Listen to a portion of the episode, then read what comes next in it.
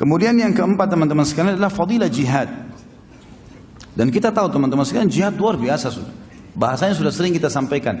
Dan kalau antum ketik banyak sekali informasi tentang keutamaan jihad, luar biasa, nggak bisa digambarkan gitu.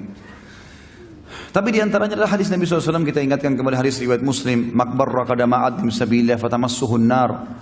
Tidak akan pernah disentuh api neraka dua telapak kaki hamba yang tersentuh di bumi dan perang, gitu kan? Kemudian ada hadis Nabi SAW waktu ditanya kepada beliau, Ya Rasulullah, kira-kira amal apa, amal apa yang bisa menyamai jihad? Nabi SAW mengatakan, saya enggak temukan. Kata sahabat, ya Rasulullah, amal apa kira-kira? Ada enggak? Jihad lagi sekarang lagi enggak ada. Kata Nabi SAW, saya tidak temukan. Ya Rasulullah, amal apa? Kata Nabi SAW, saya tidak temukan.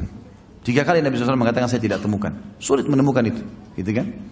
Masalah ada hadis yang berbunyi amal yang paling Allah cintai, paling adalah salat di awal waktunya, bakti pada orang tua dan jihad. Ini kata ulama bukan urutan, tetapi tiga-tiganya Allah cintai.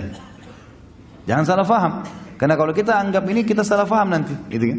Padahal salat lima waktu, bakti orang tua jihad tiga-tiganya Allah cintai. Karena sahabat tanya ya Rasulullah perbuatan apa yang paling Allah cintai? Nabi sebutin tiga-tiganya. Berarti jihad salah satunya, jangan salah faham. Karena ada hadis lain yang berbunyi, jihad adalah puncaknya agama ini. Puncaknya. Kalau sampai pada tingkat level antum sudah bisa berjihad, di jihad yang benar, ya betul-betul memang ada sesuai dengan hukum Allah SWT. Bukan seperti sekali lagi orang yang bom-bom sana sini, mengatasnamakan jihad ini semua salah. Betul-betul di medan perang, di depan musuh antum hadapi ini lain. Kalau ini terjadi teman-teman sekalian ini karunia yang sangat besar dari Allah SWT maka bersyukurlah gitu kan. Nah, ini banyak kelebihan. Tentu ini sudah pernah kita sebutkan teman-teman sekalian yang sekarang saya mau fokus adalah yang kelima tentang fadilah syahadah atau fadilah orang mati syahid. Jadi sama saya sebenarnya fadilah jihad tapi saya coba lebih fokus masalah ini. Kita mulai dengan hadis yang pertama Ibnu Majah meriwayatkan dengan sanad sahih nomor 2788 Disebutkan Abu Hurairah anhu meriwayatkan an, Abu Hurairah anhu anin Nabi sallallahu alaihi wasallam an Abi Hurairah radhiyallahu anhu anin Nabi sallallahu alaihi wasallam qala ذكر الشهداء عند عند النبي صلى الله عليه وسلم فقال لا تجف الأرض من دم الشهيد حتى تبتدر زوجتاه كأنهما زئران أدلتا فصيليهما في براح من الأرض وفي يد كل واحدة منهما حلة خير من الدنيا وما فيها Kata Nabi SAW Abu Hurairah meriwayatkan tidak akan pernah kering bumi dari darah atau dengan darah syuhada sehingga kedua istrinya dari bidadari berlomba-lomba menjemputnya Keduanya seakan-akan perempuan yang menyusui yang kehilangan kedua anak susuannya di tanah yang sangat lapang. Jadi kalau ada seorang ibu, dia punya anak bayi yang sedang dia susui. Ya, kemudian dia mencarinya, anaknya hilang di padang pasir yang luas. Bagaimana pada saat dia temukan bayinya? Maka Nabi SAW memberikan isyarat seperti itu sebenarnya. Bagaimana para bidadari menyambut para syuhada ini seperti ibu yang kehilangan susuannya.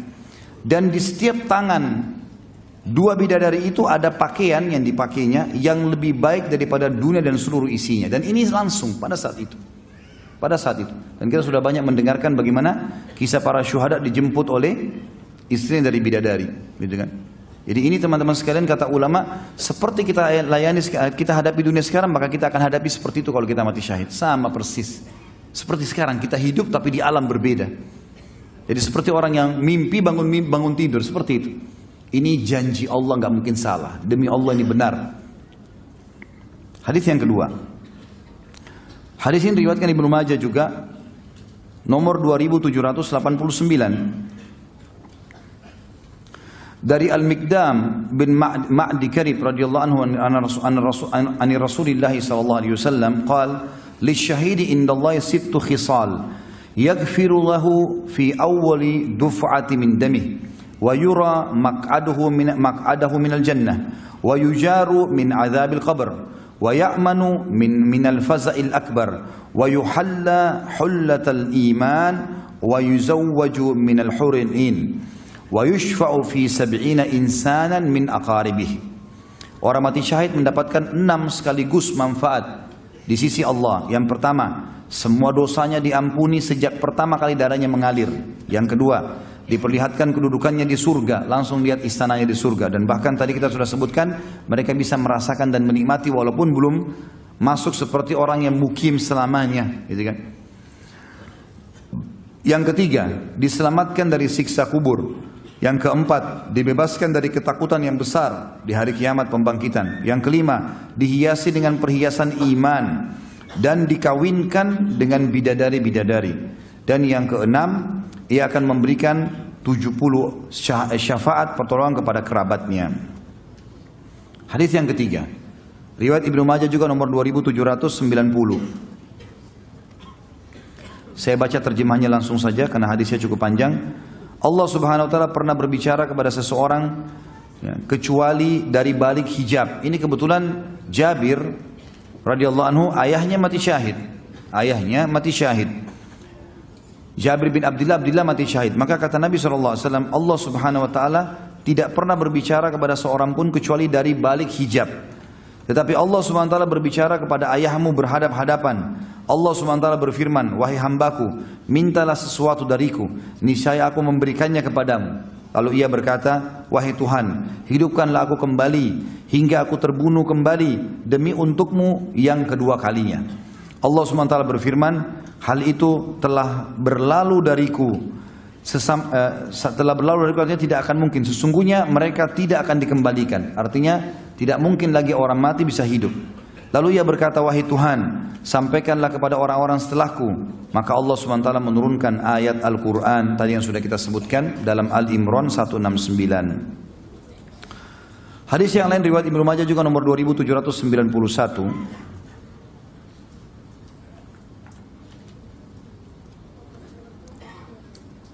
Disebutkan bahwasanya Abdullah menjelaskan tentang firman Allah maksudnya Abdullah bin Umar yang bunyinya janganlah kau mengira orang-orang yang mati syahid itu mati gugur di jalan Allah tetapi mereka hidup di sisi Tuhan mereka mendapatkan rezeki. Ia berkata dapatkah kita bertanya tentang hal itu? Nabi SAW mengatakan tentu saja. Lalu Nabi pun menjelaskan ruh-ruh mereka seperti burung hijau yang menebarkan sayapnya di surga mana saja yang ia kehendaki Kemudian ia bernaung di atas lentera yang tergantung di arsh. Di saat mereka seperti itu, Tuhan Tuhan mereka muncul kepada mereka. Lalu Allah Subhanahu wa taala Tuhan mereka berfirman, "Mintalah kepada apa yang kalian inginkan." Mereka mengatakan, "Tuhan kami, apa yang kami inginkan atau apa yang kami minta kepadamu sementara kami sedang melebarkan sayap di surga sesuai hati kami." Ketika mereka melihat bahwa mereka tidak dibiarkan kecuali untuk meminta, maka mereka berkata, kami meminta agar ruh kami dikembalikan ke jasad kami di dunia, kemudian kami terbunuh kembali di jalanmu ketika Allah SWT melihat hal itu tidak memungkinkan atau tidak akan diberikan pada mereka, maka Allah pun membiarkannya. Hadis yang lain Ibnu Majah juga nomor 2792. Dikatakan bahwasanya kata Nabi SAW seorang yang mati syahid tidak merasakan kesakitan sama sekali pada saat ruhnya keluar keluar melainkan layaknya salah seorang di antara kalian yang hanya dicubit saja. Hadis yang selanjutnya juga riwayat Imam Muslim nomor 3488. Kata Nabi SAW, tidak seorang pun yang meninggal dunia dan di sisi Allah ia memiliki kebaikan yang membuatnya bahagia, lalu ia ingin kembali ke dunia selain orang yang mati syahid. Sesungguhnya ia berangan-angan untuk kembali ke dunia kemudian terbunuh lagi di dunia karena ia melihat keutamaan mati syahid itu sendiri. Hadis riwayat Muslim nomor 3489. Kata Nabi SAW, tidak seorang pun yang masuk surga ingin kembali ke dunia lagi. Selain sekalipun seluruh dunia dan isinya diberikan kepadanya. Kecuali orang yang mati syahid. Sesungguhnya ia berangan-angan hendak kembali ke dunia. Kemudian terbunuh hingga sepuluh kali. Karena ia melihat bagaimana mulianya orang yang mati syahid. Hadis riwayat Muslim nomor 3490. Kata Nabi SAW perbandingan seorang mujahid di jalan Allah seperti orang yang berpuasa. Mendirikan sholat dengan menjalankan ayat-ayat Allah. Dan ia tidak berhenti dari puasa dan sholatnya. Sehingga seorang mujahid itu pulang di jalan Allah. Pulang dari medan perang. Telah menceritakan kepada kami Kutaibah bin Sa'id. Telah menceritakan kepada kami Abu Wana. Dan seterusnya dikatakan sanatnya adalah sanat yang sahih. Artinya teman-teman sekalian kalau ada orang pergi berjihad dengan orang yang tidak pergi berjihad, misal orang itu pergi jihad satu tahun misalnya. Maka perumpamaan dia, fadilahnya dengan seperti orang yang tidak ikut jihad, seperti orang ini non-stop baca Quran terus, nggak pakai tidur, nggak pakai makan, terus baca Quran, terus puasa, terus sholat malam, terus sampai orang itu pulang. Sama seperti itu fadilahnya. Ini yang disebutkan dalam hadis riwayat Muslim. Hadis riwayat Muslim yang lain nomor 3491 saya pernah di sisi mimbar Rasulullah wasallam ini kata sahabat Nabi yang mulia Nu'man bin Bashir Tiba-tiba saya mendengar seorang laki-laki berkata, saya tidak mementingkan suatu amalan setelah saya masuk Islam, kecuali menjamu para jemaah haji. Sedangkan yang lain mengatakan saya tidak mementingkan suatu amalan setelah masuk Islam, kecuali memakmurkan masjid haram.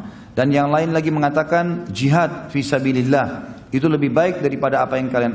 Eh, kemudian Nabi SAW mengatakan, jihad di jalan Allah lebih baik daripada apa yang kalian katakan tadi. Mohon maaf. Orang yang ketiga mengatakan, yang satu tadi mengatakan saya tidak melihat setelah masuk Islam amal lebih baik daripada mengurus jemaah haji. Yang satu mengatakan saya tidak melihat amal yang paling penting setelah masuk Islam setelah mengurus atau memamurkan masjid haram. Yang lain mengatakan jihad di jalan Allah lebih baik daripada apa yang kalian katakan. Lalu mereka bertiga ditegur oleh Umar seraya berkata, janganlah kalian meninggikan suara kalian di sisi mimbar Rasulullah SAW. Bukankah hari ini adalah hari Jumat? Karena ketiga orang ini lagi diskusi. Ya. Setelah selesai sholat Jumat saya datang menemui beliau Sallallahu Alaihi untuk meminta fatwa tentang apa yang diperselisihkan tadi oleh mereka. Lalu turunlah ayat Allah yang berbunyi, apakah orang-orang yang memberi minum, orang-orang yang mengerjakan haji dan mengurus Masjidil Haram, kamu samakan dengan orang yang beriman kepada Allah dan hari kemudian serta berjaya di jalan Allah? Surah At-Taubah ayat 19 sampai akhir ayat. Dan ini ya, disampaikan oleh Nabi SAW di sisi mimbar beliau dan beliau memastikan kalau jihad lebih afdal daripada beribadah semua itu. Ini Allah alam beberapa fadilah tentang mati syahid. Semoga Allah SWT tutup hidup kita dengan itu. Terakhir teman-teman sekalian pelajarannya adalah yang keenam, bolehnya bersedih pada saat memang terjadi kejadian. Misal kerabat kita yang terdekat meninggal dunia, misalnya, maka itu dibolehkan. Sebab Nabi SAW dalam hadis Bukhari Muslim bersedih pada saat meninggalnya Ibrahim, anak beliau. Ya. Nabi SAW baru masuk ke rumah orang yang mengasuh Ibrahim. Nabi SAW dengar dia sakit lalu digendong oleh Nabi. Sempat dicium, belum meninggal. Begitu Nabi SAW meletakkan meninggal. Maka Nabi SAW menangis, tetesin air mata. Ada sahabat di sebelah Nabi mengatakan, Ya Rasulullah, apakah anda juga menangis? Kata Nabi SAW, ini rahmat Allah yang Allah masukkan dalam hati hamba-hambanya. Gitu? Sesungguhnya wahai Ibrahim kami sedih dengan berpisah denganmu. Tapi kami tidak akan pernah mengucapkan kecuali yang Tuhan kami ridhoi. Artinya boleh bersedih. Orang kehilangan barang, orang tidak sempat mencapai sebuah kesuksesan. Mungkin dia bersedih. Tidak sempat ini, tidak sempat itu. Ada yang kehilangan. Tapi tidak boleh dia berlebihan dalam masalah ini. Tidak boleh berlebihan. Artinya sedih ini harus diredam dan hanya sebatas pada saat itu saja. Makanya tadi juga kasusnya Hamzah waktu ditangisi oleh wanita Ansar, kan Nabi bilang, kenapa tidak ada yang tangisi uh, Hamzah? Maka banyak tidak ada yang tangisi, maksudnya tidak ada wanita yang datang menangisinya. Datanglah para wanita menangisi Hamzah. Nabi sempat tertidur di rumah, bangun di ruang tamu Nabi masih banyak wanita yang menangisi Hamzah. Maka kata Nabi SAW suruh mereka bubar semua mulai hari ini tidak boleh lagi menangis seperti ini. Tapi bersedih itu boleh, dibolehkan. Tapi tidak boleh berlebihan teman-teman sekalian. Ya. Jadi kalau ada orang juga bilang, jangan kamu sedih sama sekali. Ini juga nggak bisa, gimana caranya? Nggak mungkin kan, kita nggak mungkin melawan itu secara kejiwaan. Tapi kita boleh meredamnya. Kita boleh meredam, karena sedih ada. Nabi SAW bersedih, bahkan menangis pada saat melihat Hamzah sempat terbelah seperti itu. Dan dalam riwayat lain juga Nabi SAW pernah menangis waktu melewati kuburannya ibunya di Rabwah. Lalu beliau menangis, kata Umar, saya tidak pernah melihat Nabi SAW menangis seperti ini kecuali di Uhud pada saat menangisi Hamzah. Waktu ditanya siapa ini ya Rasulullah kata Nabi SAW ini adalah kuburan ibuku gitu kan. Aku meminta kepada Allah agar mendatangi kuburan ibuku dan diizinkan aku minta istighfar untuk ibuku lalu aku tidak diizinkan. Allahu a'lam.